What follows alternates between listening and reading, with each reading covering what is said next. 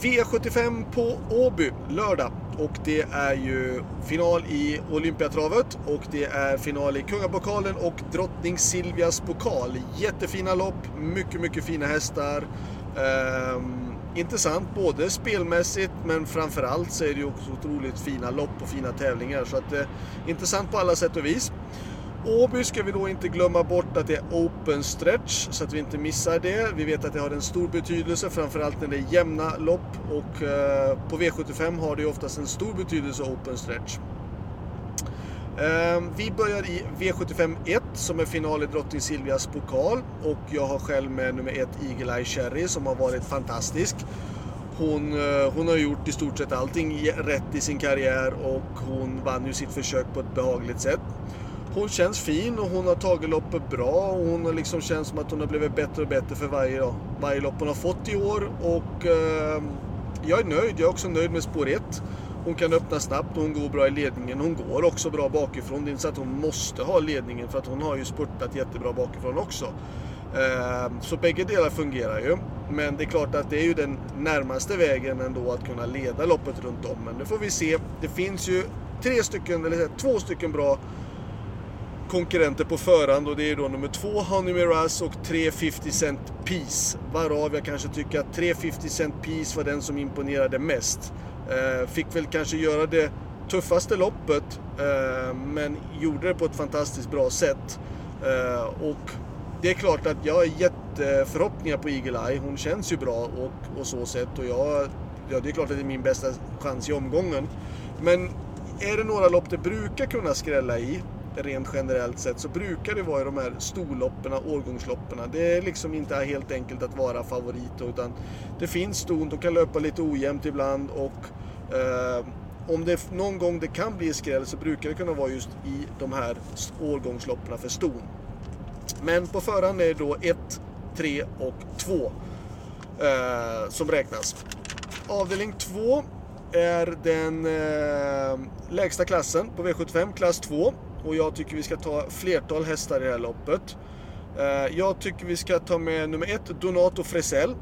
Första gången barfota runt om står det och den har spår 1. Intressant, oavsett om den öppnar eller inte så blir det alltid en lucka. Två Flirting Diamond tycker jag är superintressant. Eh, barfota runt om och första rycktussar. Två Una Cerveza, eller tre Una Cerveza Broline vill jag med och fyra Kryptonite Hanover och sen då nummer 8 Cadiz och 9 Beckham som har gjort många tuffa bra lopp. Ehm, min egna nummer 6 One Deep Valley, han känns bra men det är klart att det är mycket tuffare motstånd den här gången. Det är V75-försök. Visserligen har vi springspår men det gäller att försöka hitta ner någonstans så att vi kan få glida med på ett eller annat sätt. Så att 1, 2, 3, 4, 8 och 9 är de som jag vill ha med. V75 3 det blev ju väldigt omkastat i V75 3 i och med att det blev strykning på nummer 1 Brambling. Brambling eh, var ju den stora favoriten och eh, när man kvalar in till final så får man ju då välja spår i finalen och jag kan inte tänka mig att Wild West Diamant hade velat haft spår 1. Eh, nu när det blir en strykning så får ju alla hästarna flytta in ett spår som har på framspåret och då helt plötsligt hamnar ju då Wild West Diamant på spår, 1 och det är, tror jag inte är någon fördel för honom. Eh, tre Jacobi Keeper kan öppna snabbt men jag tror att de kommer släppa till fyra Önas Prins. En som imponerade otroligt annars där så var det nummer 6 Rome Pace Off och det är aviserat barfota runt om på den nu. Jag kan tycka att 4, eh, 6, ni som vill göra ett litet system, ni spikar fyra Önas Prins. Men i övriga fall så rekommenderar jag att ta med nummer 6 Rom Pace Off. Själv har jag med den här nummer 9 Meister, Meister uh, Imon. Um, ehm, det är lite bökigt namn men en fin häst. Eventuellt så blir det barfota runt om. Jag tycker hästen gjorde ett bra försök. Eh, kändes bra, det var ett dåligt tempo, snabb avslutning. Önas Prins var svår att slå men Maestro Imon kändes jättefin och nu barfota, balans tror att det kan göra en stor effekt på honom. Framförallt om man kan gå barfota bak. Eh, men det är klart att det är svårt att slå de här 4 och 6 på förhand. Men en varning skulle jag vilja säga ändå för att han kan dyka upp där framme. V75 4. då var nummer 2, Milos Ganador, var rysligt bra senast. Eh, visserligen ett enkelt lopp i låg klass, men sättet den vann på var imponerande.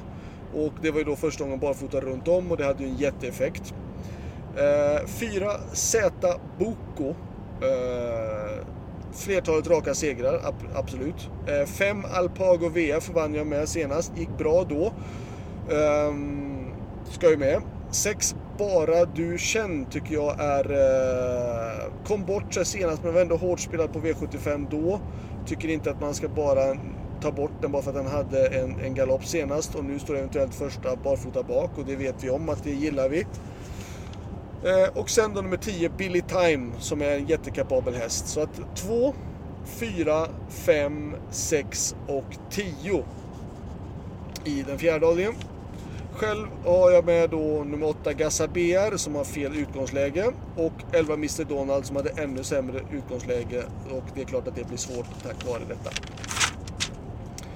V75 5 2 Rackham 6 Uncle Tull uh, eh, och 10 Easy Cash 2, 6, 10 tycker jag det står emellan på förhand. Uh, Fjärde häst skulle jag vilja säga nummer 9 Frodo. Eh, Frodo S. Men det är en liten nackdel med 2600 meter tycker jag på Frodo. Jag tycker Frodo är bättre på kortare, på medeldistans och kortdistans. Men han känns ganska fin i träningen ändå. Så att 2, 6, 10, kanske 9. V75 6.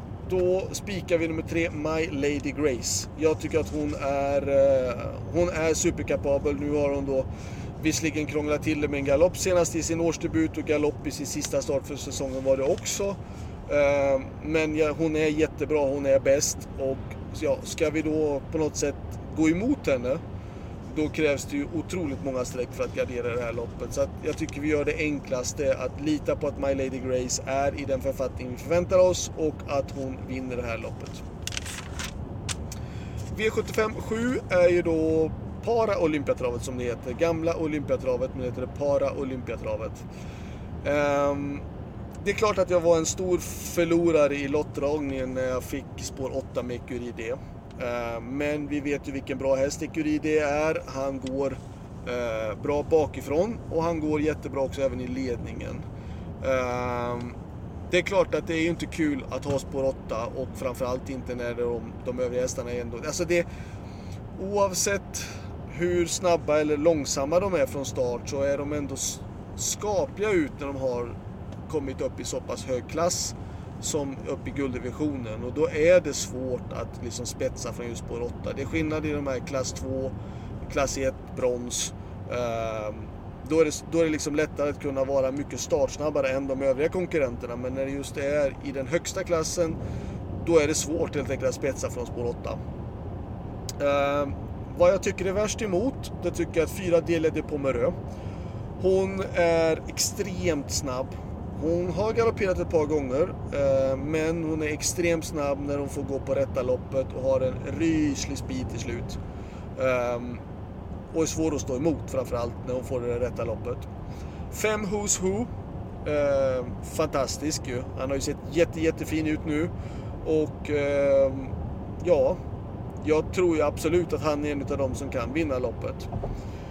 Om jag då ska säga varningarna mer då, för jag har tagit bara tre hästar i det här loppet. Fyra, fem och åtta. Eh, men i varningen i det här loppet i sådana fall extra därutöver, då tycker jag 6 Aetos Kronos gjorde ett jättelopp ehm, på Mantorp, eller på Halmstad. Jag tycker bara loppet blev lite, lite konstigt kört. Det vart ju så extremt snabbt och sen så stod det stilla och då attackerade Etos och fick ju visserligen tufft sista tusen men Aetos Kronos vet vi har en fruktansvärd kapacitet och en otrolig avslutning. Så absolut, han är en utav dem. Tillsammans med då en som har absolut högsta kapacitet i loppet och det är nummer 10 Veri Kronos som inte fick till det på Örebro senast förra lördagen. Uh, nu är det då äntligen aviserat barfota runt om. Uh, och en can't back på insidan ser du att hästen bröt ju väldigt mycket i svängen. Den bröt liksom inåt och eh, om det är svårt att ta en sväng om man springer på tvären, sladda så. Det är bättre att sladda åt andra hållet, att sladda utåt genom svängen. Då kan man ta svängen mycket bättre. Men Verre Kronos gick ju in i svängen på ett brytande sätt och då, är det, då liksom krokar man ihop benen lätt. Och eh, nu ska man sätta på ett, en, en, en grej på sidan för att få honom att vilja räta upp huvudet och det kan ha en stor effekt. Så jag säger absolut jättevarning på nummer 10 Verikronos för att hästen har preparerats för just att vara på topp nu antar jag och det är en superkapabel häst. Så att slutsummering 4, 5, 6, 8 och 10 i avdelning 7. Slutsummering totalt. Eh, bästa chansen, ja absolut, i avdelning 1, nummer 1, Eagle Eye Cherry. Övriga bästa spik. Eh, sjätte avdelningen nummer 3, My Lady Grace. Varningarna. Varning i avdelning 1, då säger jag det är dubbla open stretch på Åby.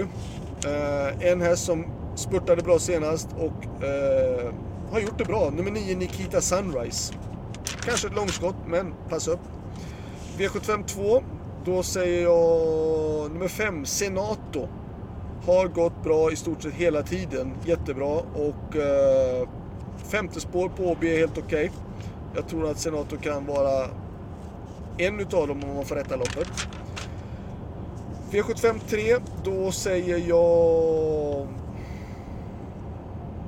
Någon utav de här, tror jag, om inte 4 eller 6 vinner, då tror jag att det står mellan 2, 3 eller 9 i sådana fall. Varför skulle inte nummer 3, Jacobi Keeper, från, från vinnarhålet kunna vara en utav dem som utmanar via Open Stretch?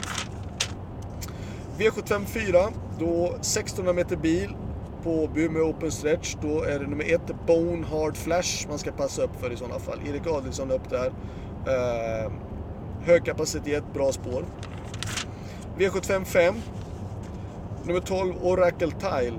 Eh, tre segrar på de sista fem och första gången barfota runt om. Eh, spår 12 på 2640 meter är inte lika illa som på 640 meter. Så eh, ja, det är varningen i sådana fall. Avdelning 6.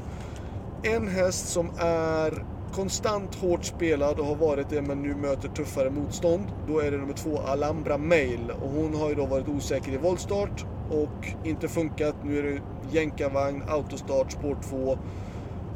Och hon är alltid väldigt hårt spelad. Jag kan tycka att det är... Eh, ja, pass upp, varningen.